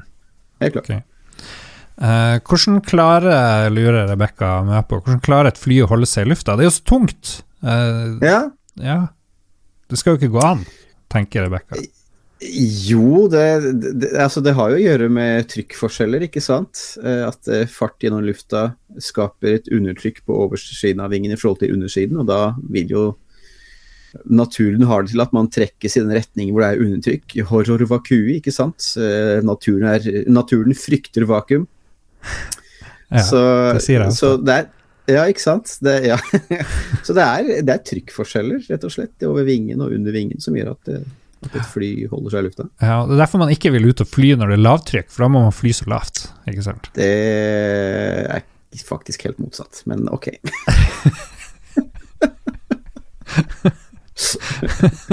Bare spør meg, Rebekka. Glem uh, Ja, ja. Nei, nei, nei. Lars Rikard har greie på det. Ja, ja.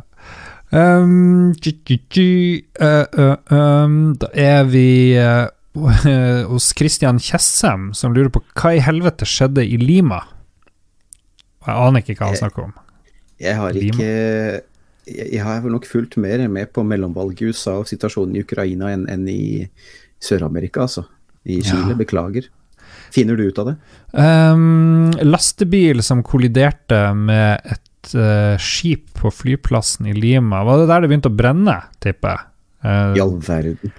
vi se. Lastebil kolliderte med et skip på flyplass. Jeg tipper det var Ja, veldig rart. Det var vel en Og når det står skip, så må det vel være fly, tror du ikke det?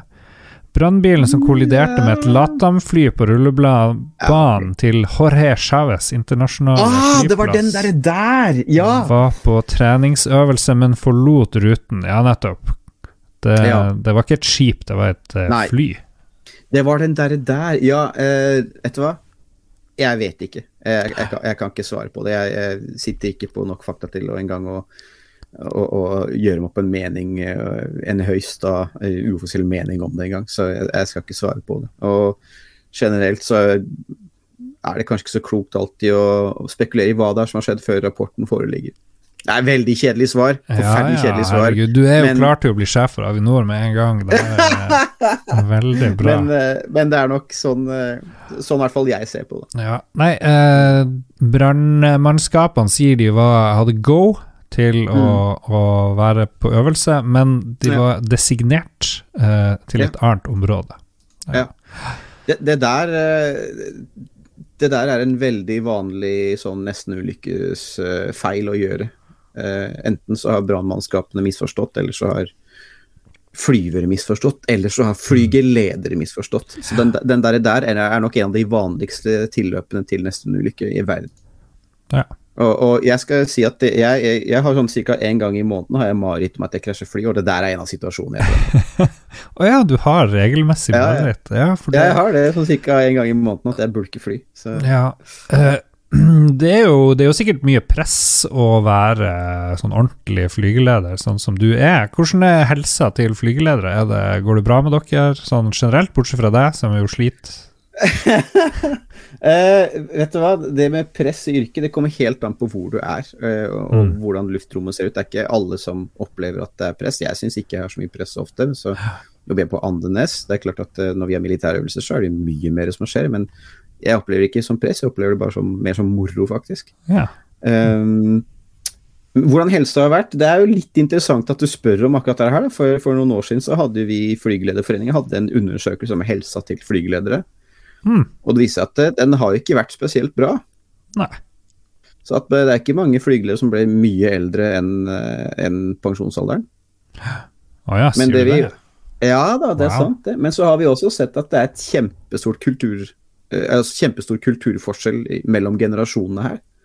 Mm. Og at de som, er, som har kommet etter meg, da kan du si, de som er liksom for midten av 30-årene og nedover, de, de, liksom, de lever kjernesunt. Masse trening og skiturer og alt mulig. Alkohol, nei, det vet jeg omtrent ikke hva er engang. Ja. Uh, så, så, det er sånn kjempestor kulturforskjell blant generasjonene her, og, og, de eldre er jo snart pensjonerte alle sammen, de som var midt i den herre død tidlig-gruppen. Uh, så, så, det der er noe faktisk vi i foreningen følger med på, altså fordi vi er, vi er veldig nysgjerrige på. Hmm. Så det var, et, det var et bedre spørsmål enn du trodde, tenker jeg. jeg er jo profesjonell. Uh, ja, du har jo researcha, selvfølgelig. Masse ja. research. ja, ja. Side opp og side ned. Hey. Ja Neste spørsmål, uh, Kosti, hva er det for noe? Vet ikke. Neste spørsmål, skal vi se. Å oh, ja. Uh, uh, når får vi jetpacks i stedet for sparkesykler på gata? Om ti år? ja det hadde vært noe. Uh, jeg har mer troen på sånne flyvende dronetaxier, tenker jeg, mm. enn jetpacks. Ja, Marcus... Det er nok ikke så lurt å la hvermannsen få lov til å fly, tenker jeg. Det er vel best å la maskinen gjøre det selv, hvis vi først skal ha et sånt system. Ja, jeg tror du, Har du trua på AI-flyging om ti år? Ja, det har jeg. Ja, om ti år. Det, jeg skal ikke si om det er ti år, men at jeg har troa på at det skjer. Ja, det har jeg, helt klart. Mm. Se, en, fly, en flymaskin flyr mye bedre enn en flyvern gjør. Ja, det var en Markus Storm Dalsegg, eh, profesjonell ja. kokk, som stilte det spørsmålet. Så det kommer snart, ja. Eh, Markus. Bare å spare. Ja, kanskje ikke jetpacks, men da kommer det heller sånne dronetaxier, tenker jeg. Hmm. Så må vi ta med Filip Maurizio Trontensitio Fløgstad, som spør om Eller han sier dere ser vel ikke på VM? Skal du begynne? Eh, jeg så litt av åpningskampen mellom Qatar og Ecuador, som var helt forferdelig. Eh, og det var utrolig litt spennende. Det var vel kanskje sikkert den dårligste sånn lineupen på en åpningskamp i VM ever. Det er jo populært å boikotte VM, og ja Jeg vet ikke. Jeg, er ikke helt på den bølgen. Jeg liker jo ikke eh, sånne diktatur, selvfølgelig, og dårlige arbeidsforhold. Men uh, jeg samtidig driver næringsliv og driver bedrift og sånn, så man må jo break uh, som eggs hvis du skal lage en omelett, er vel min holdning der, ikke sant? Ja. Ja. Uh, jeg er jo ikke fotballinteressert, så jeg ser ikke på det. men, men jeg, jeg kanskje heller andre veien, at noen ganger så må prinsippene gå foran det praktiske. Jo, jeg er ikke uenig. Jeg er veldig eh, ambivalent. Akkurat som alle mediefolk. Ja. Det er sånn Ja, nå er det VM. Å, det er så kjipt. Det er så kjipt. Men nå er det litt VM. Nå er det VM. Å, vi må sette fokus på kjipe ting. Men det er jo helt latterlig, og spesielt han der nye, eller han Fifa-lederen som jeg vet ikke om han blir gjenvalgt og sånn, som virker helt ko-ko. Han driver jo bor i Qatar i tillegg, så det er et helt forferdelig ja. system. Så kanskje vi bare ja. burde lage et nytt. Fuck det der Fifa, få noe annet uh, ja. inn. Hæ? Ja, det er litt artig, for jeg snakka med en kompis om det i går, og, og han var veldig sånn ja, Mente at det, vi burde bare rykke Fifa opp med roten og begynne på nytt. altså Have a do-over. Og ja. på en måte legge inn da føringer på, på innsyn og, og transparens, liksom. Så men det er noe, jeg tror nok Ja. Ja, det er, men det er noe. For eksempel, jeg vet veldig lite om sport, men sjakk, internasjonale sjakkforbundet, FIDE, er vel helt mm. forferdelig. OL, eh, de som IOC, er vel òg ja. full av korrupsjon. Ja, ja, ja. Så det er jo veldig mye liksom, Representanter for land som ikke eksisterer lenger og sånt, ikke sant. ja, det er noe rart der, men det er vel bare rett og slett fordi det er masse penger i sport. Og de som har mye penger å bruke, er jo land som Eller de som kan bruke så mye de vil på sånne her ting, det er jo diktaturer sikkert som ikke trenger å tenke på velgerne sine og sånt. Nei. Så vi sportsvaske imaget sitt, ikke sant. Mm. Ja. ja. Eh, og Philip han følger opp med Er det fordi det er ikke noe poeng i å boikotte, eller er det ikke noe boikott i utgangspunktet? Ja, nei, det er det um, Fuck, fuck uh, VM. Men uh, jeg blir jo sikkert å se litt på det. Men med sånn ja, jeg, jeg, Som sagt, jeg, jeg, er ikke noe fotballinteressert, men, men, jeg har jo faktisk pleid å se på VM. Så jeg syns det er litt gøy med sånn, nasjonenes kamper mot hverandre sportslig. Ja. da men jeg skal ikke se en eneste kamp den gangen. her. Jeg har ikke lyst til å delta i det i det hele tatt. Se her. Uh, ja. Kosti, du er Lolbuas samvittighet akkurat nå. det hørte du også først her. skal vi se mm, Så vi har en uh, hyggelig fyr som heter Vegard Lindlern, Kosti. Ja. Klarer du å identifisere noe innspill fra han? Vegard, Vegard, Vegard Hvor er Ve eh, Er på true crime-kjøret? Er det noe bra true crime som kan knyttes til Flytårn på noe vis? ja. Eh, Die Hard 2. ja, ja, ja, ja, ja. Nei, eh, vet du hva, jeg, jeg, kommer ikke på noe eh, true crime som er relatert til flygeledning. Det, det gjør Nei. jeg faktisk ikke. Jeg, kan, jeg, kan aldri kan, jeg, husker ikke å ha hørt noe om at noen har liksom vært sånn kriminelle i, hva skal jeg si, i sin um, gjerning som flygeleder, så ikke at de har liksom blitt arrestert for det. Da. Men, men det finnes garantert. Uh, det er ingen tvil om det. Uh, jeg kan jo nevne om at uh, det har jo skjedd at flygeledere som, som, har vært involvert i ulykker, da, ja. at hvis det liksom delvis har vært, de har vært en av årsakene bak ulykken, så finnes det land hvor, hvor de har blitt arrestert og dømt og fengsla. Så man kan jo se på det på den måten. Da. At, mm.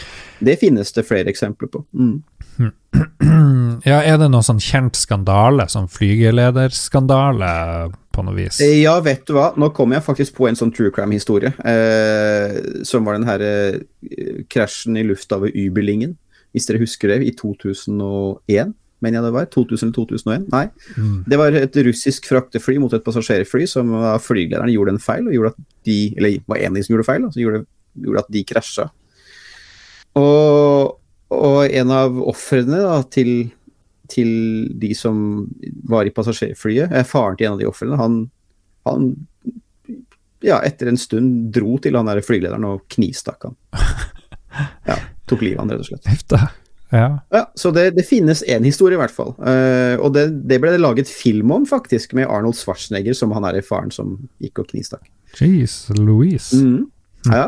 Så, så det, det finnes én, i hvert fall, som jeg, som jeg vet om. Men det blir jo veldig raskt opp, oppklart. Han, jeg tror til og med han anga seg selv til politiet. Hæ, og sa hva han hadde gjort. Ja, men my, han var jo ustabil. My child should have taken the chopper. ja. Nei. Oh my god, my child has been cloned. uh, takk, Vegard. Det hagler inn med gode spørsmål her. Jørgen Rosén spør hvilken film er mest realistisk. Top Gun eller Hjelp, vi flyr. uh, jeg syns du skal svare på det. Ja, uh, etter å ha hørt uh, True Crime og ser for meg de her forfylla flygelederne, så er det jo Hjelp, vi flyr. Både forfylla piloter og bare galskap i tårnet. Det ja. ja, mye rart. Hva er mest realistisk, Top Gun eller Iron Eagle? Det her er bare jeg som følger opp. Er det, er det noen som husker Iron Eagle ennå? tror du det? Er det det? Det gjør du tydeligvis, da. Ja, jeg digga den. Jeg likte jo Jeg elska flyfilmer back in the days. Det var ikke så mange av dem. Med Louis Gossett jr., husker jeg ikke helt feil? Ja. Yep. ja. Eh, det er nok Top Gun, tenker jeg. Hvis vi, hvis vi må velge, så er det nok Mm. det. Ja. Hva er det han eh, Jonas Flatjord eh, lurer på? Ja, Jonas er jo en god kollega av meg, som er en veldig kunnskapsrik fyr om, på veldig mange områder. Og uh, har også en fantastisk eh, kone som også er kollega. Ehm, ja, ok, vi har sånn fem sånne leveregler, da, eller fem, eh, hva skal jeg si Objectives of Air Traffic Services, som det heter, da, som vi skal etterleve i, i alt gjør. Og det, han vil at jeg skal eh, ramse opp de på direkten uten å slå på. Greit, det er lenge siden jeg har gått på skolen, men et par ting husker jeg. Det ene er at man skal selvfølgelig sørge for at ikke fly bulker. Og så skal man sørge for at ikke fly bulker da med, altså, altså ikke fly bulker med andre fly, men at fly bulker med biler på bakken, altså manøvreringsområdet som vi kaller det, eller Mm. andre hindre på samme område. Når du sier bulke, vi betyr det krasje og eksplodere? Ja, det betyr bare- krasje. Det betyr Ja. krasje. Det er bare jeg som uh, bruker ordet bulke for å gjøre det litt mindre skummelt. okay. uh, og så skal vi sørge for at uh, en velordnet trafikkavvikling som, som da er trygg. Det er det tredje. Eh, og så er det det fjerde, eh, hvis jeg ikke husker feil, om det er fire eller fem, det er kanskje ikke så farlig, men, men det skal i hvert fall med. og Det er at vi skal gi eh, trafikkinformasjon som, er, eh, som kan benyttes, da, eller som er behjelpelig for eh, for flyverne, slik at de kan utføre sine flyginger på en trygg måte. Mm. Eh, og så det siste er at eh, vi skal bistå i redningstjeneste og varsle redningstjenesten eh, når det er fly som vi vet enten har krasja eller vi mistenker at det har krasja. Ah, Og da hjelpe disse, ikke bare flyene, men disse redningsorganisasjonene så godt vi kan. Ja, for det er fristende å bare ikke si noe. Tenke at det her går over. Eh, hvis du har vært i en situasjon, så tror jeg ikke du tenker det. Siden det måtte være liksom blant de fem budene. Ikke, Ja. Ikke glem å si fra hvis du Ja, er, tror det er, nok, flyet er borte. det er nok en grunn til at det budet er med, helt sikkert. Mm. All right. Siste spørsmål. Eh, Ja. Nei, og han har en oppfølging av Jonas Flatjord. Okay. Har vi spilt Ja. Pentiment? eh, er helt hekta, og det er jo et nytt spill som har fått mye skryt. Jeg har ikke spilt Ja. det sjøl. Ikke jeg heller. Jeg fikk det Jeg, jeg, jeg leste bare eh, en uh, review, og den fikk jo veldig, veldig ja, Altså pen kritikk, da, for å si det sånn. Ja. Jeg aner ikke hva det er. Det ser ut som en litt sånn skittig spill, men det er tydeligvis veldig gøy.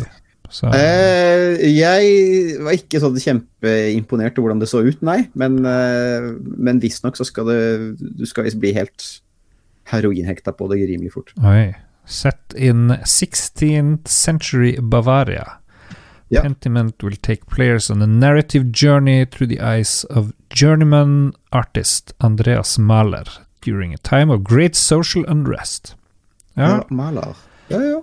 takk for eh, tipset, Jonas. Og absolutt siste spørsmål kommer fra Hans GM, som er hva er vår favoritt-flytårn? Vi er tilbake på flytårn. I spill. Må nok være denne herligheten fra Minecraft, så viser han at det er et eh, faktisk tårn som flyr. Eh, Hvor er jeg, jeg, jeg, jeg tror jeg må Å, der flyr det tårnet!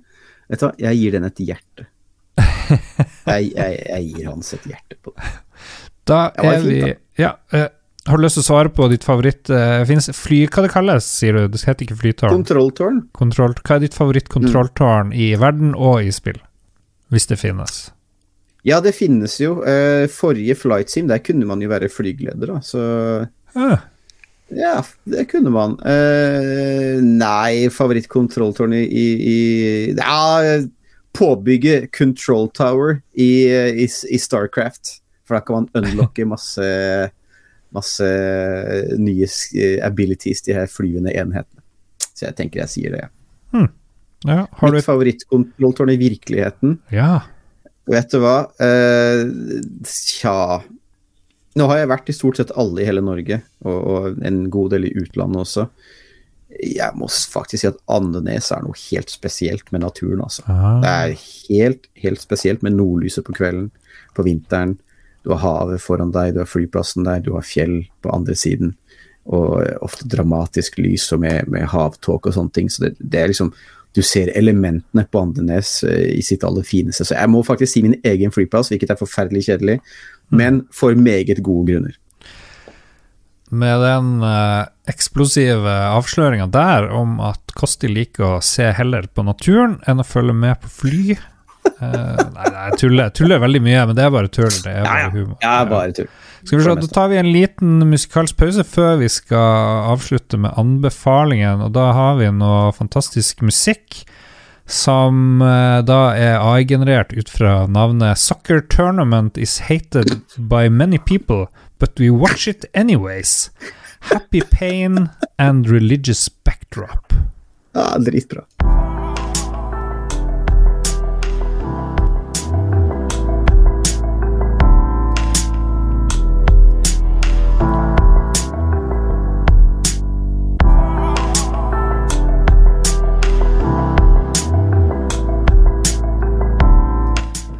Right, litt kjedelig det òg. Takk til Dag Thomas for den låta. Da er det altså litt uh, anbefaling, og vi skal anbefale noe som navnet hinter om. Jeg tar og hopper rett på uh, en podkastanbefaling Oh, som heter Dead Eyes. Og det Hva handler det om? det handler om eh, komiker skråstrek eh, skuespiller Connor Ratliff, som er okay. ganske ukjent for nesten absolutt alle. Han har bare sånne småroller. Uh, om han er komiker, vet jeg er litt usikker. Han er i hvert fall underholdende, og hans podkast handler om at han ble casta i den eh, enormt populære og prisbelønna TV-serien Band of Brothers. I okay. en uh, veldig liten rolle, men med noen uh, replikker. Veldig få. Sånn 'yes, sir' og 'all right', og så fyk, skulle han liksom fyke av gårde. Uh, tvisten er jo at da produsent og mannen som skulle regissere akkurat den episoden han skulle være med i, han um, Tom Hanks, han så audition til Connor og, og fikk sparken. Og Nei. det han fikk høre sjøl, han her Connor, var at Tom Hanks sa at du hadde dead eyes. Åh. Og eh, stakkars uh, Connor, han begynner jo å, å uh, Han mister jo helt trua på seg sjøl, og bare trekker seg fra hele bransjen osv., men kommer nå tilbake etter hvert. Og så nå har han jo funnet ut at han skal lage en podkast om det her, og han kjenner en del kjente folk, så dem er med, da. Sånn som han her uh, Er det Jonathan, kan jeg hete for noe? John Ham, han som spilte i Mad Ja, ja, ja. Men. Ja. For de har spilt i lag på noe teater for lenge siden og sånt, Ja. og han har med litt sånn, litt sånn et par uh, A-kjendiser i starten, men mest litt sånn ukjente folk. Så prøver han å komme til bunns i det her, da. Uh, samtidig så snakker om, han om hvordan uh, kunstnere blir avvist, ikke sant. Ja. Men så drar han det videre på ganske fin måte. Enten så er han veldig flink til å lage podkast, eller så har han kjempegode produsenter. Men de tar opp sånn hvor, hvor mye kan vi stole på minnet? Hvor, hvor godt er det minnet du Mm. har egentlig av det som skjedde? Og, og, og litt sånn der, da. Og jeg har bare hørt en, en del episoder, tre-fire episoder, men jeg syns det er veldig, veldig bra eh, så langt. Og så, da jeg googla der, så så jeg noen rykter om at eh, Tom Hanks kommer til å dukke opp i en eller annen episode. Ja, dritbra. Han, Dead Eyes. ja, jepp. Jeg skal gi det en sjanse. Ja, gi det en liten sjanse. Det er Ja. helt uh, ok underholdning, altså. Ja. Ja. Så det er min anbefaling. Jeg vet ikke, Har du noe å anbefale? Jeg syns du har eh, bidratt veldig sterkt. Ok, dag. tusen takk. Ja. Jeg kan ta en liten anbefaling også, som ikke har noe med spill og, og sånt å gjøre. Um, for en måned siden så var jeg på 50-årslag i Lund i Sverige. Mm. Ja, der min bror var bor, forresten. Nei, gjør han det?! Ja, ja, ja. Oi, jobber han på universitetet, eller? Ja, stemmer det. Nei, du verden. Og det var fantastisk fint. Nå har jeg vært der før, men det er mange år siden. Men det var kjempefint å, å være tilbake. Masse koselige steder å gå ut og spise og drikke godt. Og byen ser jo også veldig idyllisk ut. Og det er kort med toget til Malmö eller Kjøben hvis du vil det. Og Ja. hadde det veldig gøy der. Veldig fin by, stortrivdes å komme tilbake dit etter, ja, siden jeg jobbet der faktisk, og hadde det skikkelig, skikkelig fint der. Mm. Absolutt. Anbefaler Lund. Anbefaler Lund, faktisk. Ja, det gjør jeg. Jeg vil også anbefale Lund. Jeg anbefaler ikke Malmö like mye, selv om det virker veldig trygt. Men det er jo liksom, det var jo sånn voldshovedstaden på mange måter, trodde man gjennom media. Og jeg har ikke sett noe vold når jeg har vært der nede, men det sies jo at Vært der mange ganger. Og Ja. med, så. hvis du, hvis du driver og går på feil plass, så er det vel ille. Men bare på gøy så aktiverte jeg Twitter-varslinger fra politiet i Malmö. Ja. Og det var sånn, det var en utbrent bil hver eneste dag og litt sånt. Og da broderen flytta ned, så var det vel noen som ble betta fast i togsporskinnene og kjørt over. Og, så det er jo litt sånn hardcore, da. Eh, litt mer enn vi er vant til i Norge, syns jeg, da. Fra hvordan det virka i Sverige. På den turen jeg gidda å aktivere Twitter-varslinger. ja, riktig. Riktig. Ja. Ja. Er det, er det noe um, du følte du burde fått ut i denne uh, podkasten som du sitter og brenner inne med? Eh, når, du, når du stiller et spørsmål på den måten, så føler jeg det litt som at jeg har gjort noe for å drite meg skikkelig ut, som jeg prøver å dekke over. Men du har ad omveier fått vite det. Ok. Det er sånn jeg føler det nå, men, men jeg, jeg føler ikke at jeg, jeg, at jeg har noe mer og, og, som, jeg skulle, som jeg føler burde vært med her. Eh, Nei, du har ikke dratt deg ut i det hele tatt. Det, Nei, å, Å, Nei, det var bare Eh, om det var noen ting du hadde lyst til å nevne. Eh, Nei da, jeg syns jeg har vært innom uh, det vi det, det som er mandatet vårt, det er sånn foreldre bruker å si 'har du noe du vil fortelle meg'? Det var sånn du Ja. tok det. Det var den følelsen jeg fikk. Det var akkurat den følelsen jeg fikk. Ja, ja, ja. ja, ja. Det var det er jo interessant. Det skal vi gå Ja. dypere inn på Ja, mm, neste i, gang. I psykologpodden. I Psykologpodden. Psy, unnskyld, psykolog, psykologbua. Sorry. Ja. Ja. Hmm. Nei, men da tror jeg vi kaller det en uh, kveld. Jeg sier tusen, Ja. tusen hjertelig til takk til deg, Kosti.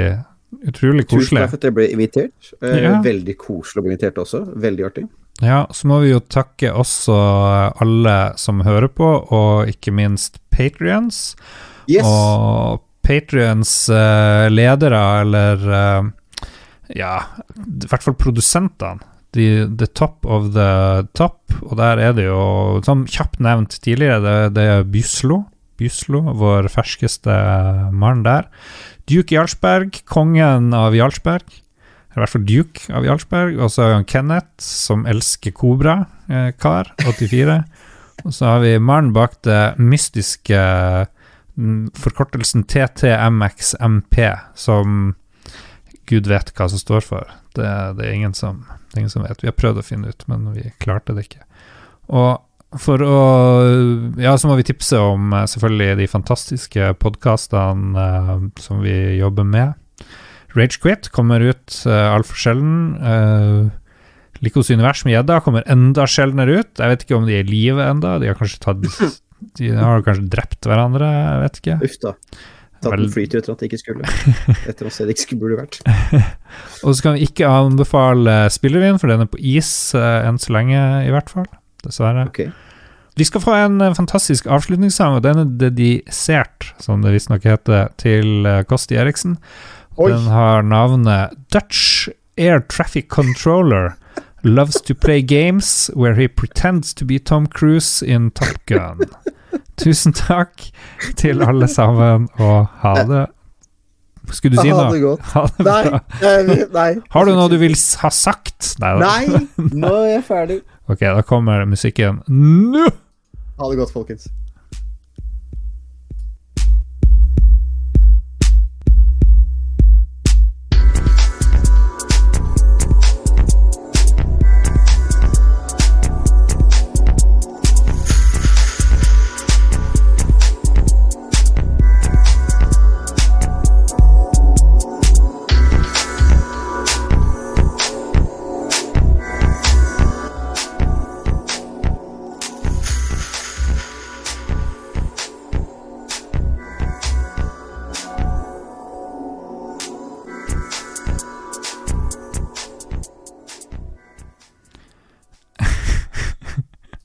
Har du et enkeltpersonforetak eller en liten bedrift? Da er du sikkert lei av å høre meg snakke om hvor enkelt det er med kvitteringer og bilag i fiken, så vi eh, gir oss her, vi. Fordi vi liker enkelt. Fiken superenkelt regnskap.